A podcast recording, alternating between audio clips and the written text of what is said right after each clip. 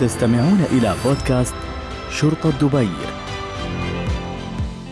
مرحبا بكم مستمعينا في بودكاست شرطة دبي البرنامج اللي نستعرض من خلاله إنجازات ومشاريع شرطة دبي في مجالات الأمن والتطوير المستقبلي. في حلقتنا اليوم راح نتحدث عن المؤلفات والنشرات العلمية بشرطة دبي. أما ضيفنا في هذه الحلقة أستاذة سميرة موسى الرئيسي رئيس قسم المبادرات والمشاريع المستقبلية وعضو مجلس العلماء بشرطة دبي. مستمعينا ضيفتنا خبرتها ليست في المجال الشرطي فقط بل كانت أيضا معلمة لغة إنجليزية وحاصلة على درجة الماجستير في القيادة التربوية بالإضافة إلى درجة البكالوريوس في الدراسات باللغة الإنجليزية وكانت أيضا رئيس قسم الترجمة في شرطة دبي. وأيضا التقت بسيدي صاحب السمو الشيخ محمد بن راشد نائب رئيس الدولة رئيس مجلس الوزراء حاكم دبي في معرض دبي للإنجازات الحكومية في عام 2017 ما شاء الله سجل حافل بالإنجازات ونرحب فيك في حلقتنا اليوم أستاذة سميرة مرحبا بك أخوي محمد شاكرا لكم اتاحت الفرصة هاي للحديث عن المؤلفات والنشرات العلمية طبعا بشكل مختصر.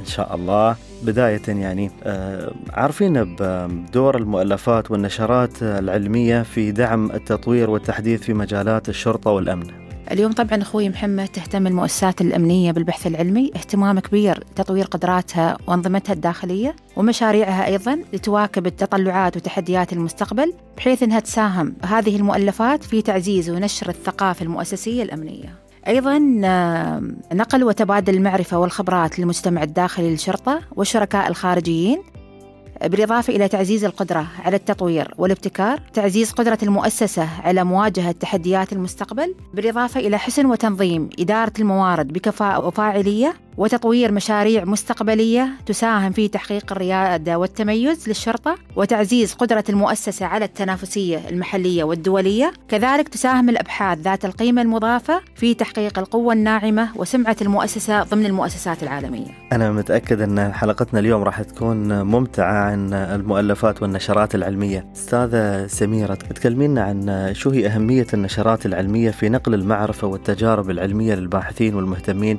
في آه، مجالات الأمن والشرطة. عادة تكون النشرات العلمية هي ملخص لنتائج الأبحاث والدراسات ذات القيمة المضافة. يتم طبعا نشرها لتعميم استفادة الباحثين والمهتمين بالشأن الأمني مما يساهم في تعزيز ونشر الثقافة والمعرفة وتوثيق التجارب والنتائج العلمية بشكل موضوعي. تطبيق أفضل الممارسات والتجارب بما يحقق أعلى مستويات الريادة الأمنية. كما تشجع النشرات العلمية الباحثين في مجال الشرطة والأمن على مزيد من الابتكار والتحديث المستمر وتطوير الحلول والتقنيات الجديدة لمعالجة التحديات الأمنية. أيضا أخوي محمد تسهم النشرات العلمية في تعزيز التواصل والتعاون بين الباحثين والمهتمين في مجال الأمن.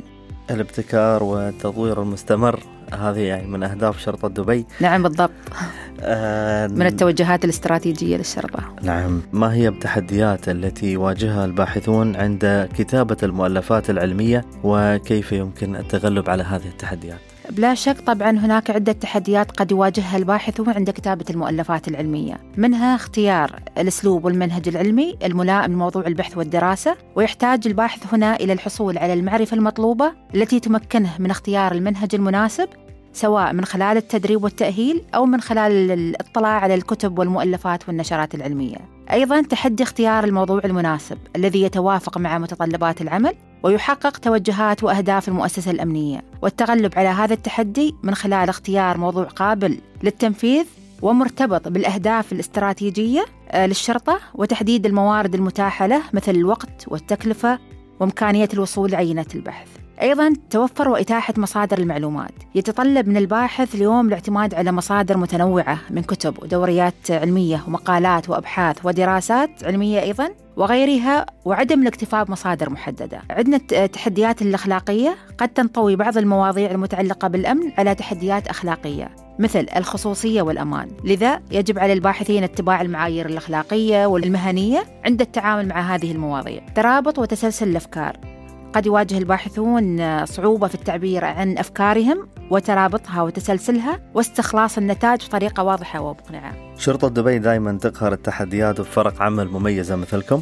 آه لكن تكلمينا أستاذة عن كيف يمكن لشرطة دبي أن تدعم وتشجع المؤلفين والباحثين في مجالات الأمن والشرطة لإنتاج مزيد من المؤلفات العلمية ذات جودة عالية. نعم توفير الموارد طبعا من خلال توفير الموارد الضرورية للباحثين والمؤلفين مثل الموارد المالية والإدارية والتنظيمية أيضا من خلال تعزيز التعاون والشراكات مع المؤسسات الأكاديمية والمراكز البحثية الأمنية الأخرى وتبادل الخبرات. طبعا جانب التكريم جانب مهم جدا آه، فلذا تكريم الباحثين وتشجيعهم لمواصلة البحث والنشر من خلال طبعا مكافآت مالية شهادات شكر وتقدير آه، وثناء إلى آخره. وأخيرا عندنا التدريب والتطوير المهني. من خلال توفير فرص التدريب والتطوير المهني في المجالات البحثية والعلمية وتنظيم دورات ورش عمل عن مناهج البحث العلمي المختلفة. أستاذة سميرة موسى الرئيسي رئيس قسم المبادرات والمشاريع المستقبلية بشرطة دبي. تكلمينا عن أهم القنوات والمنصات التي يمكن للجمهور من خلالها الاطلاع على النشرات والتقارير والدراسات العلمية.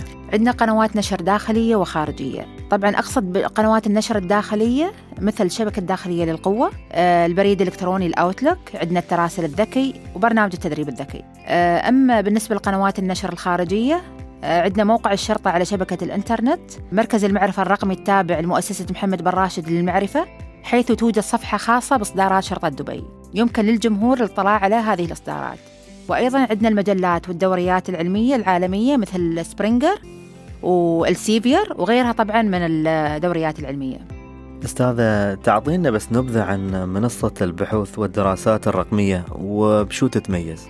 منصة البحوث والدراسات الرقمية هي منصة تتيح للجمهور الاطلاع على الدراسات والبحوث والتقارير المستقبلية وذلك طبعا من خلال تسليط كاميرات الهواتف لقراءة الباركود عندنا أوردي باركود وذلك تماشيا مع استراتيجية دبي للمعاملات اللاورقية حيث تحتوي المنصة على مجموعة من البحوث والدراسات في مختلف المجالات. أيضا تحتوي على النشرات والتقارير العلمية القابلة للنشر. أه والنشرات التوعوية الخاصة باللجان والمجالس والإدارات العامة ومراكز الشرطة. أيضا تحتوي المنصة على الترجمات وأفضل الممارسات العلمية آه، والفيديوهات الخاصة بالبحوث والدراسات العلمية حيث تعتبر المنصة قاعدة بيانات بحثية لموظفي القوة. مشاركة المعرفة أمر تتميز في شرطة دبي في جميع المجالات. آه، أستاذة تكلمينا عن هل هناك مؤسسات أو دوائر حكومية يمكنها الاستفادة من هذه الإصدارات العلمية؟ نعم بالطبع. هناك عدة مؤسسات ودوائر حكومية بالدولة تستفيد من هذه الإصدارات. على سبيل المثال عندنا أكاديمية العلوم الشرطية بالشارقة شرطة راس الخيمة شرطة الفجيرة وغيرها طبعا من المؤسسات الأمنية. إلى جانب الدوائر الحكومية منها دائرة الموارد البشرية لحكومة دبي حيث تم عرض الإصدارات في معرض الكتاب بديوان سمو الحاكم وذلك تزامنا مع شهر القراءة في مارس. آه، أيضا آه، عندنا مكتبة محمد بن راشد مثل ما ذكرت سابقا ومؤسسة محمد بن راشد للمعرفة والعديد من المؤسسات الحكومية الأخرى. وصلنا إلى سؤال الختام. أستاذة سميرة شو هي الأدوات والتقنيات اللي يستخدمها الباحثين للبحث عن مؤلفات ونشرات علمية ذات صلة بمجال الأمن والشرطة؟ عندنا قواعد البيانات مثل Scopus بحيث تحتوي القاعدة هاي على العديد من الدراسات المنشورة في المجلات والمؤتمرات والدوريات العلمية. بالإضافة إلى شبكة الإنترنت ومحركات البحث العامة مثل Google Scholar Microsoft Academic. للبحث عن المؤلفات العلمية في مجال الأمن آه، أيضا عندنا المكتبات الأكاديمية والمراكز البحثية. والمجلات العلمية والمؤتمرات وغيرها طبعا من الأدوات والتقنيات التي يستخدمها الباحثون في عملية البحث. وبهذا نصل إلى ختام حلقتنا اليوم في بودكاست شرطة دبي. نود أن نشكر ضيفتنا الرائعة الأستاذة سميرة موسى الرئيسي رئيس قسم المبادرات والمشاريع المستقبلية في شرطة دبي على مشاركتها القيمة والقاها الضوء على تجربتها وإسهاماتها في مجال المؤلفات والنشرات العلمية في مجلس العلماء بشرطة دبي.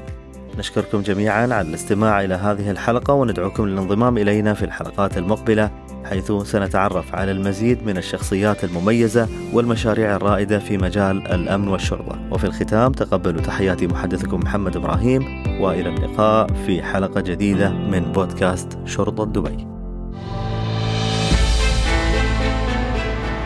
استمعتم إلى بودكاست شرطة دبي.